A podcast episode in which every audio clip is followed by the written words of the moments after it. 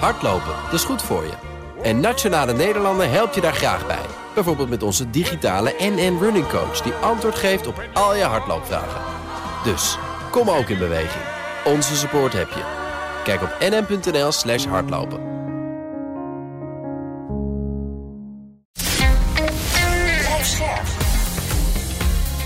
BNR Nieuwsradio. De AEX-factor. Wesley Weerts, Jelle Maasbach. De AX-factor dus. We zijn er weer. Goed dat je luistert. De podcast voor de slimme belegger. Elke week een nieuwe gast die je bijpraat over beurzen, beleggen en vermogen opbouwen. En deze week is de gast in de AX-factor Bob Homan, hoofd van het ING Investment Office. En uh, we gaan het hebben over de onrust op de beurs. De AEX tikte deze week bijvoorbeeld zelfs even de laagste stand in zo'n twee jaar aan. En we kijken hoe jij als belegger je hoofd koel houdt. Maar we beginnen met het nieuws uit Groot-Brittannië. Want premier Liz Truss die ontslaat haar minister van Financiën. But it is clear that parts of our mini-budget went further and faster than markets were expecting. So the way we are delivering our mission right now has to change. We need to act now to reassure the markets of our fiscal discipline. I met the former Chancellor earlier today. I was incredibly sorry to lose him. He is a great friend, and he shares my vision to set this country on the path to was nog geen zes weken minister. Hij is de kortst zittende minister van Financiën sinds 1970. En wij nemen deze aflevering op net na de persconferentie van Liz Truss. Het ontslag van die minister is daar dus aangekondigd. Maar wat heeft Truss verder gezegd, Bob? Nou, dat ze iets prudenter omgaat met de begroting. En dat de vennootschapbelasting zou verlaagd worden in haar plannen van 25 naar 19 procent. Dat gaat niet door. Um, ik denk de energiecompensatie naar de mensen toe blijft wel doorgaan. Dat benadrukte ze ook. Dus dat is denk ik ook goed voor haar eh, populariteit om niet eh, dat uh, af te schaffen. Ehm, en um, ik vond best wel een paar verstandige woorden in zitten. En we gaan voor de groei, voor de lange termijn, met goede publieke sector. Uh, lonen die, die hoger moeten en hogere economische groei. En wat je, vond ik, in de vorige plannen zag, was het eigenlijk allemaal geld weggeven voor kortstondige dingen mm -hmm. waar je op de lange termijn niets aan hebt. Nu had ze toch echt die lange termijn basis en wat veel economen ook vaak zeggen van je kunt best schulden maken als je daar op de lange termijn ook maar extra inkomsten mee genereert. Dat vond ik wel in haar woorden zitten. Dus het lijkt, zeker voor financiële markten, is het denk ik wel een geruststelling. Geruststelling, voor wie het geen geruststelling was, was voor Kwarting. Die werd ontslagen. Uh, Jeremy Hunt neemt het van hem over. En ze zei over Kwarting, sorry to lose him, he's a good friend. Maar heeft ze hem niet gewoon voor de bus gegooid? Nou ja, ik denk, ik vond die plannen, en volgens mij uh, ben ik daar niet de enige in. Hè. Volgens mij van het IMF tot, tot de Europese Centrale Bank. Iedereen vond die plannen wel, wel heel vreemd. Hè? Met, met het idee, uh, met name dat idee van we gaan uh, de rijken minder belasting laten betalen. Want als die rijker worden, druppelt dat wel door in de economie. Wat volgens mij, volgens de meeste economen onzinnig is. Um, dus ze hebben echt wel een paar rare dingen gezegd. En ook hè, de financierbaarheid van al die plannen was van nou ja, we gaan de staatsschuld verder laten oplopen. En ooit komt dat misschien een keer terug, wie weet. Ja, dat, dat leek niet logisch. Dus iemand moest het veld ruimen. En dan is denk ik de minister van Financiën wel het meest, uh, meest logisch. We praten zo verder over de Britse chaos en kijken of jij als belegger moet voorbereiden op een recessie. Maar er gebeurde nog meer deze week. Het aandeel van Philips werd gedumpt door beleggers. Het bedrijf kwam met de tweede winstwaarschuwing van het jaar. Philips die moet 1,3 miljard euro afschrijven vanwege de slaapapneu-affaire. Het geld is onder andere bedoeld voor om een schikking te kunnen treffen met de Amerikaanse overheid. Elon Musk heeft een nieuwe baan. Hij is even geen autoverkoper meer, geen astronaut of techbaas. Nee, Elon noemt zich sinds deze week parfumverkoper. En het merk, dat heet Burnt Hair en kost je 100 euro per flesje. Elon has sold 10,000 bottles of burnt hair perfume through his business, The Boring Company, earning more than $1 million in sales from the product. The billionaire announced the news in a series of tweets he called his burnt hair perfume.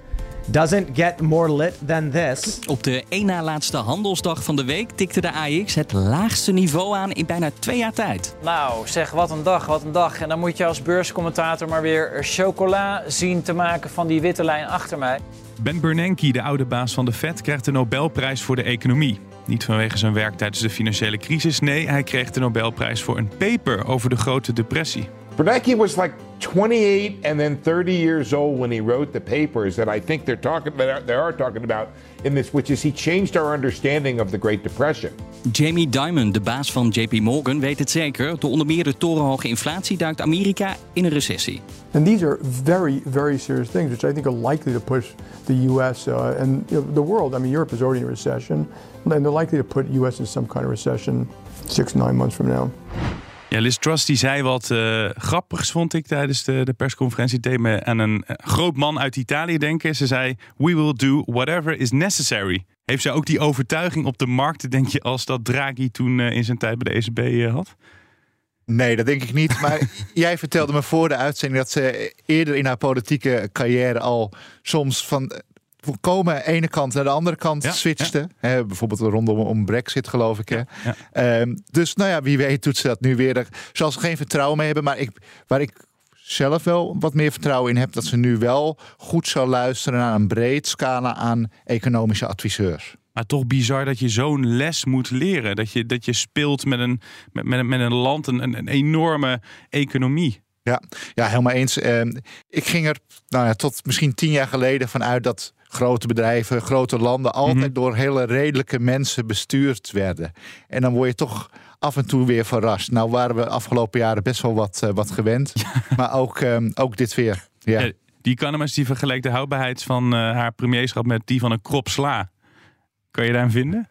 Als ze dit overleeft, hè, en volgende week wordt dan ook nog spannend, hè, want er zullen een paar partijen om haar aftreden gaan, uh, gaan vragen dan krijgt ze denk ik wel een herkansing. Ze zit natuurlijk zo kort. Ze heeft iemand opgeofferd. Volgens mij zie je dit wel vaker, ook in mm-hmm. politiek hè, of in het bedrijfsleven. Er moet wel iets gebeuren, maar dan kan je daarna wel blijven zitten. En nou, niet helemaal met een schone lei, maar dan krijg je wel een tweede kans. Maar wat blijft er nou eigenlijk over? Door, er zijn al heel veel dingen aangepast van dat economische beleid van kabinet Truss. Nou, eigenlijk blijft er over volgens mij wat andere landen uh, ook doen. En dat is dat grote koopkrachtverlies, met name door de energierekening, om dat wel deels te vergoeden. Hè. We zijn toch in een klein beetje in een compensatie-economie terechtgekomen, waarbij hè, als een groep, of in dit geval een hele grote groep, zwaar getroffen wordt, waar ze eigenlijk niks aan kunnen doen. Nou ja, denk aan COVID. Daar is dat heel succesvol geweest. Ik denk dat veel regeringen daar misschien ook wel een beetje overmoedig zijn geworden in hoeverre ze alles kunnen sturen. Maar het COVID-beleid was eigenlijk spot on. Hè, want we zijn een hele diepe recessie die maar heel kort duurde. Eigenlijk zijn we dat alweer vergeten. Um, daar is overheidsbeleid heel goed geslaagd. Nou, dat probeert men nu weer. En dan zie je eigenlijk wat uh, het UK nu doet lijkt op dat wat Europa doet. Hè. Maar dan maken ze eigenlijk niet meer echt het verschil. Nee, nee ze, inderdaad, klopt. En dat lijkt me ook goed. ja, dat is misschien goed nieuws voor de financiële markt, ja. inderdaad. Maar voor haar politiek, want ja, zij zou hè, alles op zijn grondvesten laten trillen. Ja, heeft ze ook gedaan, maar in negatieve zin. Dus ja, er blijft niet zo gek veel, gek veel over dus van haar Ik denk dat ze nu speeches. En dan moet ze nu komen met: oké, okay, uh, die belastingenverlagingen gaan voor een deel niet door. Wat gaan we doen voor die economie op de wat, wat langere termijn? Ja, en dat zijn dan waarschijnlijk de gewone dingen. We moeten de, dat, zoiets zei ze volgens mij ook, de aanbodkant uh, moeten we versterken. Ja, dat zijn allemaal vaak wat lange termijn plannen en vaak ook misschien wel meer woorden dan, uh, dan daden. Als het gaat over het terugkeren van de rust, want de reden dat ze dit nu vandaag aankondigt, hangt ook heel erg nauw samen met uh, die noodsteun van de Britse centrale bank die, die afliep. Dus ze moesten wel iets doen om die financiële markten weer tot kalmte te brengen. maar is dit voldoende? Ja, ik vind het spannend misschien te zeggen zo vlak na die, die persconferentie. Hè? maar ik zou zeggen van ja, want um, wat ik hoor uit de Anglo-Saxische wereld is dat van de die LDI's, dat is een, het, hoe het pensioenprogramma in, um, in het UK een beetje werkt. He, dat, waar ze hun renterisico afdekken en waarom ze nu bij stijgende rentes uh, vreemd genoeg dan obligaties moeten verkopen. Er staan ook voldoende partij, partijen klaar aan de andere kant om te zeggen: oké, als ik Britse staatsobligaties boven de 4% kan kopen, vind ik dat toch wel aantrekkelijk. He, zeker ook eh, buitenlandse beleggers denk ik niet, hè, want die hebben dat zwakke pond, krijgen ze ook nog cadeau. Dat risico durven ze denk ik niet uh, te lopen. wie dan wel? Maar bijvoorbeeld Britse verzekeraars, eh, wat ik hoor, eh, kijken die we absoluut eh, naar. Ja, en die Jeremy Hunt, dus uh, wat ik in het begin zei, die gaat uh, de boel overnemen. Oud-minister van Buitenlandse Zaken. Wilde twee keer partijleider worden. Heeft het verloren van Boris Johnson. Daarna heeft hij het verloren van Liz Truss. Uh, maar goed, hij moet nu dus ja, de belangrijkste man daar worden. Wat moet hij, wat jou betreft, vooral niet gaan doen de komende tijd? Hij moet denk ik niet proberen de populariteitsprijs te winnen. uh, door alles weg te geven, uh, zoals uh, de vorige probeerde. Nee, door redelijk te zijn, goed te luisteren, denk ik, naar economische adviseurs. Goed te kijken hoe andere landen dat doen. Hebben bijvoorbeeld binnen, binnen Europa, waar natuurlijk soortgelijke problemen spelen. Liz Truss die gaf haar fout toe. Ze zei deze begroting is te ver gegaan. En daarna zei ze, we komen door deze storm. Zag jij echt een leider staan waarvan je dacht, ja, daar geloof ik in? Ja, ik vond het best stevig overkomen. En eh, het beste voor haar en, en haar regering zou denk ik zijn... als je de komende tijd eigenlijk helemaal niet zoveel meer hoort. Eh, dat betekent in ieder geval dat er geen nieuwe wilde plannen, plannen naar buiten komen. Ja, Bob, jij zei uh, dus dat ze best wel stevig over kwam. Maar tegelijkertijd roept het bij mij ook heel erg de vraag op: van ja, door wie worden de Britten nu eigenlijk geregeerd? Is dat inderdaad door Truss? Zijn dat de kritische fractieleden of is het de financiële markt? Wie, wie bepaalt uiteindelijk? Nou ja, ik, ik denk uiteindelijk iedereen. En uh, ik denk als een plan is waar je mee naar buiten komt, wat echt door iedereen gelijk wordt afgemaakt in de, in de hele wereld. Eh, en, en, en je voor gek wordt verklaard. Ja, dan is het een combinatie van de financiële markten die dat in getallen met je gaan afdwingen. Mhm. Eh, de rest van de wereld die het je ook vertelt dat je iets verkeerd doet. En de kiezers die, die ook met, met, hun, uh, met hun voeten tekeer gaan. Ja. Dus het geeft misschien ook wel aan als je in een democratie met echt rare dingen komt. Ehm, dan word je daar wel van afgehouden. Dat is misschien wel weer het goede nieuws. Maar tegelijkertijd bevestigt het ook eigenlijk de, de onbetrouwbaarheid en de onvoorspelbaarheid. Is Trust niet gewoon de controle volledig kwijt? Nou, dat, dat baart inderdaad zorgen. En uh, waar we mee begonnen ook wel. dat hele redelijke, redelijk ogende mensen in een heel redelijk land met best wel rare dingen komen. Gelukkig hebben ze hele goede humor waar we dan uh, om kunnen lachen. We hebben trouwens een hele uitzending gewijd aan de problemen in het Verenigd Koninkrijk en de gevolgen voor jouw beleggingen. Zoek hem terug in je favoriete podcast app en vergeet je niet te abonneren op de AX Factor. De AEX Factor. Wesley Weerts. Jelle Maasbach.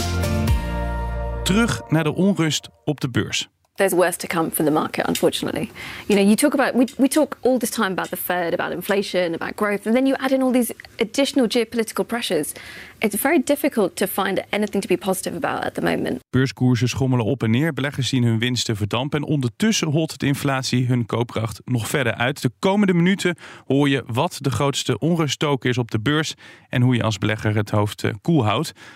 Ja, die uh, eh, AX deze week hadden we het over. Tikt het uh, laagste niveau aan sinds uh, ongeveer uh, december 2020. Wat drukt die beurskoers zo aan omlaag deze week? Nou, er is volgens mij maar één ding wat het hele jaar speelt en ook deze week. En dat is rente gevoed door inflatie. Hè. Dat zag je gisteren donderdag. Inflatiecijfers in Amerika die vielen tegen. Dus die waren hoger dan, dan gedacht. Ja.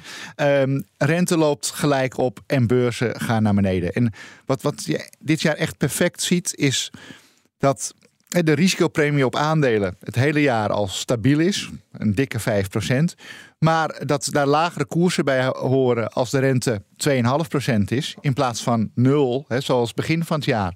Um, eigenlijk voor, als je theorieboekje zegt, ik ga koersen berekenen op basis van winsten van bedrijven tegen deze rente die 2,5% hoger is dan begin van het jaar, kom je exact op de standen uit waar je, waar je nu staat. Dus rente verklaart in mijn ogen echt alles. En dat is wat je gisteren zag, die inflatie viel dan tegen. Die was het hoger dan verwacht. Maar op een of andere manier zat er al zoveel slecht nieuws in de markt dat die toch positief reageerde. En ook de rentes wat naar beneden kwamen. Ja, en die beurzen veren weer wat, uh, wat op. Dus ik denk dat de beurs op dit moment nog steeds volledig renteafhankelijk is. He, we gaan ook we gaan richting een recessie. He. Je liet het al horen in het stukje van Jamie Dimon.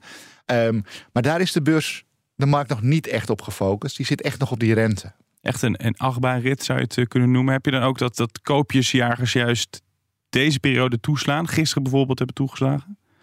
Ja, ik denk dat ook toch wel een hoop mensen, uh, beleggers, net voor hun doen net iets te weinig in de markt zitten. En als ze dan een draai zien, dat ze er met z'n allen achterheen lopen. Hè. Je, ik denk ook dat de markt ik ken de percentage niet uit mijn hoofd om, maar ik meen dat 80% van de markt ook wel hè, op, de, op de korte termijn algoritme gedreven is. En die lopen toch allemaal een beetje achter elkaar aan. Dus als het dan draait, gaat het ook met een versnelling. Het is ook echt niet zo dat die draai van gisteren, die misschien op de dag wel 3% was.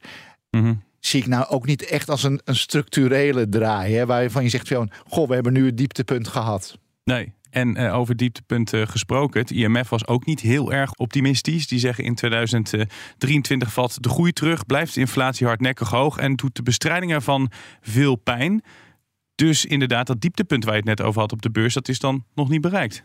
Ja, ik vind dat moeilijk te zeggen. Uh, ik denk dat je hangt een beetje ook van je renteverwachting af. En het goede nieuws voor beleggers is toch nog wel dat hè, die koopkracht die, die holt vreselijk uit. En je mm -hmm. ziet ook bij bedrijven, bij de meeste bedrijven, de afzet ook echt wel teruglopen. Maar als je die afzet maal de prijs doet, zie je dat de meeste bedrijven er toch nog in, in slagen hun omzet wel omhoog te krijgen, omdat ze die inflatie door kunnen berekenen. En dat de winsten op dit moment nog steeds stijgen. We krijgen nu de derde uh, kwartaalcijfers, worden nu een beetje gepubliceerd. Er zijn wel een paar winstwaarschuwingen geweest. Uh, maar nog niet eens zo heel veel. En je ziet dat voor Amerika wordt toch nog een winststijging van een procent of vijf verwacht. Voor Europa zelfs tien omdat eh, veel Europese bedrijven ook wel omzet in dollars hebben. Nou ja, die dollar staat 15% hoger dan begin van het jaar. Dus dat is makkelijk lekker makkelijk verdienen. Als je in Amerika ja. wat verkoopt uh, voor een dollar, is dat nu 1, uh, 1 euro 15, hè, bij wijze van spreken, als je het vergelijkt met, met 1 januari. Dus daar maak je extra winst op. Dus die winstgevendheid is nog goed. En dan mag je verwachten hè, met een recessie die er echt wel aankomt. En in Amerika ook, ik denk dat Jamie Dimon daar wel gelijk in heeft. De Fed heeft het eigenlijk ook gezegd. We hebben een recessie nodig om vraag en aanbod weer aan balans te brengen. Dat, de vraag moet met 2% krimpen. Dan is ja. vraag en aanbod weer ongeveer gelijk. En zijn we van die inflatie, van die hele hoge inflatie, zijn we dan, uh, dan eventjes af. Het is wel interessant, want jouw verhaal lijkt ook echt op wat Jamie Dimon zei. Die was ook heel optimistisch. Die zei het gaat nu echt nog goed in de Verenigde Staten. Maar die recessie komt eraan. En hij zegt ook aandelen kunnen echt nog wel zo'n 20% gaan dalen. Nou weet ik dat je je glazen bol niet bij je hebt, maar nee. die kan je vinden in, in die voorspelling van uh, Jamie Dimon. Nou, ik kan me vinden in die voorspelling, maar tegelijkertijd, als die recessie komt, hè, zal, zal die rente ook niet veel verder om, uh, omhoog gaan. Um, en dan wat je vaak ziet, um, althans in de geschiedenis, is dat bij de ene laatste renteverhoging van de centrale bank begint de lange rente, de 10 rente, al te dalen. Ja, op het punt dat die recessie komt, nou wanneer wordt die verwacht? Begin volgend jaar misschien. Dat zal ongeveer ook misschien die periode zijn. En als je dan Uh, nou, je kan er een vrij makkelijke rekensom uh, op, uh, op loslaten. Hè. Rente is dit jaar zowel in Amerika als in Europa, en dan kijk ik naar de 10 jaar rente, 2,5% gestegen. Mm. Beurzen, kleine 25% terug. Dus je kan er eigenlijk een factor 10 tussen die rente en, en beurzen uh, koppelen. Dus als de rente ook weer, zegt de 10 jaar rente valt weer een half procent terug, ja, dan heb je ook weer uh, een 5 procent koersstijging op die manier te pakken. En dan kan je dus ook wel ietsje van laag, ietsje lagere winsten hebben. En ik kan me niet voorstellen in een wereld waarbij die inflatie zo hoog is. Um, de omzet zal waarschijnlijk niet zoveel terugvallen als de, uh, het nominale bedrag wat je, wat je verdient. Maar Bob, jij zegt dus die renteverhoging die stoppen wanneer de recessie echt haar intrede doet. Maar ondertussen heb je ook weer een IMF die zegt: ja, wacht even, bij een recessie moeten centrale banken op de rem blijven trappen. Dus hoe realistisch is het dan om te denken dat die renteverhogingen dan minder hard gaan? Net als achteraf zeggen van joh, de centrale banken hebben wel te, zijn te lang accommoderend geweest. Mm -hmm. Die renteverhogingen komen altijd met een vertraging. Uh, dus nu merken we het nog niet echt. Ja, je merkt het al in de huizenprijzen, die uh, bijvoorbeeld in Nederland al een, een tikje kregen. En dat gaat echt wel doorwerken. Dus ik snap ook dat men nu blijft zeggen van joh, we moeten heel hawkish blijven op die, op die rente. maar ik denk als, als straks echt de cijfers echt slecht worden. En je ziet nu in de voorlopende indicatoren dat het echt wel gaat gebeuren. Ja, dan zie ik ze toch wel een voorzichtige draai maken. Even tussendoor, ik moet nog een huis kopen. Moet ik nog even wachten dan, Bob? nou ja, als je de voorspellingen ziet hè, van, uh, van de verschillende banken de afgelopen tijd. Uh, voorspellen de meeste volgens mij voor uh, 2023 wel een, een, een, lichte daling van de huizenprijzen. En wat je in ieder geval ziet, hè, zonder een uitspraak te doen over die huizenprijzen, is dat hè, de, de rentes zijn echt heel fors gestegen. En als je dan kijkt voor een starter wat je kunt lenen nu ten opzichte van een jaar geleden, zie je daar echt wel een groot verschil tussen. En uiteindelijk moet die huizenmarkt toch van de, af de onderkant vanaf starters gevoed worden. Ja, over die rente gesproken, want die wordt dus in recordtempo uh, omhoog geschroefd om die inflatie te beteugelen. Maar welke risico's kleven eraan? Nou ja, het risico natuurlijk is dat je doorslaat en dat je die economie net iets te veel uh, de nek omdraait. Ja. Um, en dat je dan in een diepe recessie belandt. Overigens verwacht ik dat op dit moment niet. Wat je van de andere kant ziet, hè, is dat net als in het UK, waar we het net over hadden, uh, maar zeker ook bijvoorbeeld in Duitsland en in Nederland in mindere mate, we zijn wel de overheden springen natuurlijk wel fors bij. En ja. ik denk dat voor veel mensen nog niet duidelijk is wat het nou precies voor hen betekent. Hè? Dat bijvoorbeeld die energierekening uh, voor een deel uh, afgetopt wordt. Maar als het eenmaal duidelijk wordt, oké, zoveel ben ik kwijt, dan zul je zien dat wellicht het financieel sentiment van consumenten, wat nu echt dramatisch slecht is, met iets meer zekerheid ook wel weer wat verbetert. Maar zorgen die overheden er ook voor dat eigenlijk het ingrijpen van zo'n centrale bank, dat dat teniet wordt, uh, wordt gedaan? Ja, dat, uh, absoluut. Dat speelt wel uh, een, een duidelijke het zijn tegenwerkende krachten. Ja. Uh, ze blijven in de, van de ene kant de inflatie aanjagen. Uh, ik denk overigens wel met die, die oplopende rente en ook die, die koopkrachtuitholling die toch echt wel sterker is dan de compensatie die men krijgt, werken overheden, centrale banken tegen. Maar ik denk niet dat het echt zwaar problematisch wordt. Nee. Ik denk dat die centrale banken dan net iets, iets, iets sterker zijn. Wat, wat critici zeggen is van ja, het medicijn van de centrale bank is inmiddels erger dan de kwaal. Ik, wat vind jij van die kritiek? Nou ja, je kunt altijd makkelijk kritiek hebben op centrale banken. Ik denk als je in financiële markt werkt, dan moet je gewoon kijken wat je verwacht dat ze, dat ze doen. Ja, en maar dan kan je de best... zeggen dus van ja, die, die, die Fed en de Europese Centrale Bank die zijn te laat geweest met reageren. En nu zijn ze een beetje aan het overreageren. En dat is ook niet goed. Ja, ik, ik snap die gedachte, maar ik vind op deze niveaus, hè, met nou, de Europese rente, wat staat die? Eh, nog steeds drie kwartjes, in Amerika eh, drie procent. Ja. Ja, ik vind het heel fijn dat er weer een echte rente is. Ehm, dat maakt volgens mij voor financiële markten uh, het ook iets makkelijker om ernaar te kijken. Hè? Want je hebt dan weer een vergelijk. Wat ik vorig jaar bijvoorbeeld bij een rente van nul. Ja, of je dan 50 keer de winst voor een aandeel betaalt. Uh, of 100 keer. Het maakt eigenlijk niet uit. Je zit altijd beter dan rente. Ja. En nu heb je weer echt vergelijkingsmateriaal. En kun je zeggen: Oké, okay, ik betaal nu we hebben voor wereldwijde aandelen 13, 14 keer de winst. Nou ja, dan kan het zelfs een keertje tegenzitten. En dan is het niet al te gek wat ik nu betaal. Nee, maar tegelijkertijd willen we ook dat die inflatie wordt teruggebracht. Dat zien we nog niet echt gebeuren, want die inflatie stijgt nog altijd hard. Wanneer gaan we eindelijk het effect zien van dat krapper monetair beleid op die inflatie? Ik denk toch vrij snel. Uh, ik denk dat je uh, op allerlei vlakken nu al ziet. Bijvoorbeeld rondom energie uh, zie je het al teruglopen. De kerninflatie stijgt nog wel, hè, want dat werkt altijd wat, uh, wat langer door. Maar je ziet ook uh, bijvoorbeeld de transportkosten nemen alweer fors af. Het tweedehands auto's die op een gegeven moment, met name in Amerika, duurder waren dan nieuwe auto's, zie je echt hard teruglopen in prijs. Dus je ziet overal ook wel uh, nu het wat moeilijker wordt, prijzen ook wel weer, uh, weer duidelijk afkomen. Dus je zou zeggen dat je heel dicht bij het hoogtepunt in inflatie zit. Ja, die autoprijzen. We hebben dit weekend hebben we een klein autootje gekocht. Het is bizar wat je ervoor betaalt. Het zijn heel veel persoonlijke verhalen. Hè? Ja, Ik ja, ja. een huis, jij nou, koopt ja, een ja, auto. wij hebben een heel klein autootje gekocht voor, voor de bij, zo'n Nissan Pixo. Daar betaal je gewoon bijna 5000 euro voor. Terwijl de aanschafprijs misschien tien jaar geleden uh, 9000 euro was. Dat is echt bizar gewoon. Ja. We gaan uh, vooruitkijken. Tot nu toe, zei hij eerder al, hadden die bedrijven hele mooie winsten die ze in de boeken konden zetten. Ondanks de naderende recessie, ondanks die hoge inflatie en de snelle renteverhogingen. De vraag is, hoe lang gaan ze dat nog volhouden? Nou, dat hangt denk ik een beetje af van, uh, van de sector waar je in, uh, in zit ook. Hè. Ik, ik zag de, bijvoorbeeld de pinbetalingen over de afgelopen maand. Dan zie je bijvoorbeeld in de mode, in uh, uh, de meubelsector, daar gaat het wel hard naar beneden. Maar je ziet pinbetalingen in supermarkten zijn aan het toenemen. Dat heeft natuurlijk ook te maken met die hogere uh, prijzen. Dus ik denk heel erg sectorafhankelijk. Ik denk voor beleggers ook. Hè, uh, nou ja, dat zeggen we heel vaak, focus je op bedrijven die pricing power ook wel hebben, hè? Die, die prijszettingskracht hebben.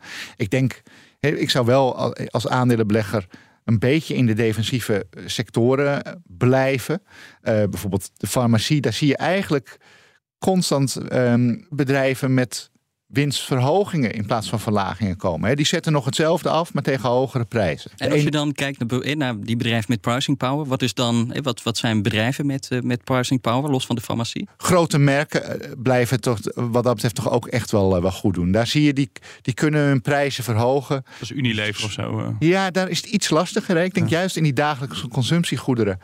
Die blijven gekocht worden. Maar dan zie je wel een enorme switch naar bijvoorbeeld de huismerken, waar toch ietsje minder marge op zit. Je ziet naar de goedkopere supermarkten ehm, nemen wat toe in de omzet. Maar welk bedrijf Ehm, steekt er dan wel bovenuit op pricing power gebied? Wat nou, jou betreft? Als je kijkt naar, ik denk ook naar de energiebedrijven. hè. denk aan de in Nederland Shell.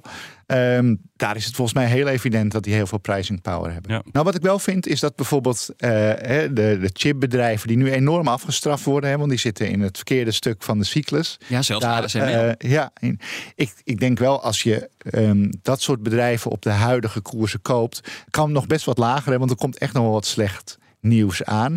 Maar je ziet bijvoorbeeld ASML vind ik een mooi voorbeeld. Die staat nu op de koers-winstverhouding.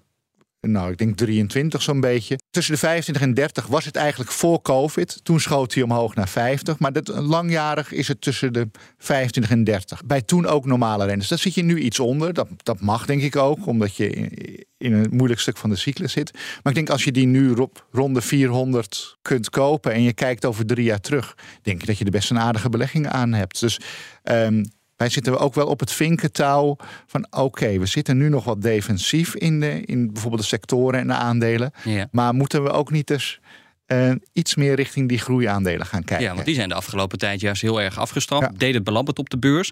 Inmiddels zou je dus ook kunnen zeggen... ja, veel speculatieve lucht is uit die koersen. Komen daardoor dan ook weer de, de, de eerste juweeltjes weer eh, eh, tevoorschijn? Nou, ik denk dat ja, ehm, markten zijn relatief goed, goedkoop geworden, denk ik. Hè, op basis van koers-winstverhouding. Zoals ik al zei, die risicopremie is nog ongeveer het, eh, hetzelfde gebleven. Maar ik vind dat je ja, bij sommige bedrijven best wel op niveaus komt. Dat je zegt, "Wauw, je weet, echte dieptepunt ga je toch nooit timen. Maar als je dan over drie of vijf jaar terugkijkt, ik dat je denkt van, ach, dat was best een mooi moment om, eh, om dit te kopen. Zo hebben bijvoorbeeld ook een aantal van die Duitse bedrijven, hè, bijvoorbeeld Siemens of Schneider, wat dan Frans is. Ehm, maar die best wel last hebben van die hoge gasprijzen, maar wel op producten zitten die in de energietransitie heel erg nodig zijn. Hè? Van turbines ehm, eh, tot eh, dingetjes in waterstof en, zo. De, de juiste productmix voor de toekomst hebben het nu heel zwaar. Zijn zwaar afgestraft dit jaar. Ja, ik vind het best aantrekkelijk worden. Dat is misschien een koopkans. Ja, worden we al eh, verrast tijdens bijvoorbeeld de aankomende kwartaalcijfers? Dat uit de boeken blijkt dat die bedrijven toch wel beter gaan dan we dachten? Of, eh, Of slechter, zoals slechter? Philips. Nee, ik denk dat de, de meeste bedrijven die een winstwaarschuwing willen geven, hebben dat al gedaan, denk ik, hè, voor dit kwartaal. Ik denk dat wel, en dat, dat zie, je, zie je denk ik veel, als er een recessie komt, dat veel bedrijven dat gebruiken om hè, de ellende van het verleden. Nu heb ik een goed excuus om eruit eh, uit te gooien. Nou, daar moet je misschien een beetje door, eh, doorheen kijken. Ehm, dus positieve verrassingen, nou, verwacht ik ook niet echt. Ehm, en, want als er een positieve verrassing is, hè, dat, dat zag je zelfs volgens mij bij TSMC, eh, weten ze dat te niet te doen door te zeggen van ja, dat was vorig kwartaal. Het komend kwartaal wordt het minder. Uh, dus nee, daar hoef je denk ik. Uh, je hoeft niet te verwachten op een opleving van koersen aan de hand van de bedrijfscijfers. Wellicht wel aan de hand van uh, rentes die, die ietsje terugvallen van die hele snelle stijging. Je hebt het net over die recessie. Kan je je aandelenportefeuille recessieproof maken, wat jou betreft? Ja, normaal gesproken, hè, als er een recessie komt, vallen aandelen vaak uh, terug. Hè? Maar dit is wel alvast de meest voorspelde recessie. Hè? Ja. Um, je, dus die, mensen hebben daar al op, uh, op kunnen anticiperen. Um, in een recessie die veroorzaakt wordt door hoge inflatie, vallen winsten over het algemeen veel minder terug. En dat is waar aandelen last van hebben als die winsten fors uh, terugvallen. Waarderingen zijn dus op dit moment al laag. In een normale recessie, waar je dus ook nog wat overheidssteun hebt, waar de arbeidsmarkt op dit moment ook nog echt heel goed is, dat je weliswaar in afzet dan terugvalt. Maar omdat die inflatie ook volgend jaar nog wel dik boven de twee, hè, de nominale winsten, dus in bedragen, niet per se hoeven terug te vallen, ook niet in een recessie. Dus als je een recessie als belegger moet hebben, dan, dan het liefst deze, als ik het zo hoor. Dat klinkt een beetje als de gezellige variant. Ja, als je, voor de beurs is dit de gezellige variant, inderdaad. Ja. Nou, zeg ik dat voor aandelenbeleggers en voor obligatiebeleggers. Ehm, die hebben natuurlijk het, het slechtste jaar ooit in de geschiedenis gehad. Hè, als je op wereldschaal in, kijkt. Ik denk individuele landen hebben het natuurlijk slechter gedaan. Hè, Argentinië of Duitsland in de jaren 20 van de vorige eeuw. Maar de wereldobligatiemarkt heeft nog nooit zo'n slecht jaar gehad. Met dalingen van ongeveer 20 procent. En als je als aandelenbelegger wil toeslaan, moet je dan zijn in, uh, in Europa of liggen de kansen dan meer op de Amerikaanse beurs? Voor ons op dit moment nog steeds op de uh, Amerikaanse beurs. Uh, waarom? Nou, het, Ten eerste omdat die dollar uh, zo sterk is. Dus je importeert als Europese belegger ook dan die hogere dollar in je koersen. Ja.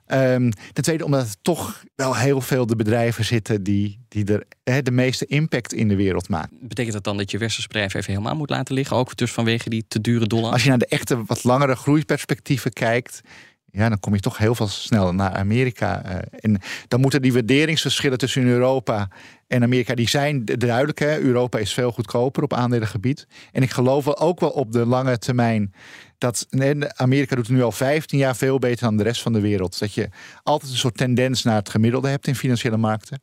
Maar nog niet, zou ik zeggen. Nee, alleen JP Morgan zegt bijvoorbeeld, die is behoorlijk negatief over de Europese economie vanwege de energiecrisis. Maar zegt tegelijkertijd, ja, als je kijkt naar de huidige lage eh, koersniveaus, dan vinden wij eigenlijk Europese beleggingen weer, uh, weer interessant. Ja, nou, inderdaad, als je puur op die factor kijkt. Maar ja, dat is eigenlijk al jaren zo. Dan moet je altijd Europese aandelen kopen. Ja, en tot nu toe ehm, is dat heel eh, de afgelopen 15 jaar is dat niet, geen succesvolle strategie geweest. Dank Bob Homan, hoofd van het ING Investment Office. En ook bedankt dat je met ons naar die persconferentie van Liz Truss wilde kijken. Daarmee zijn we aan het einde gekomen van deze aflevering van de AX-factor. We hebben heel veel meer afleveringen gemaakt. Jullie zei het eerder deze uitzending al. Bijvoorbeeld over die crisis in het VK. Luister die vooral terug. En vergeet je ook niet te abonneren. Tot volgende week. Hardlopen, dat is goed voor je. En Nationale Nederlanden helpt je daar graag bij. Bijvoorbeeld met onze digitale NN Running Coach... die antwoord geeft op al je hardloopvragen. Dus, kom ook in beweging. Onze support heb je. Kijk op nn.nl slash hardlopen.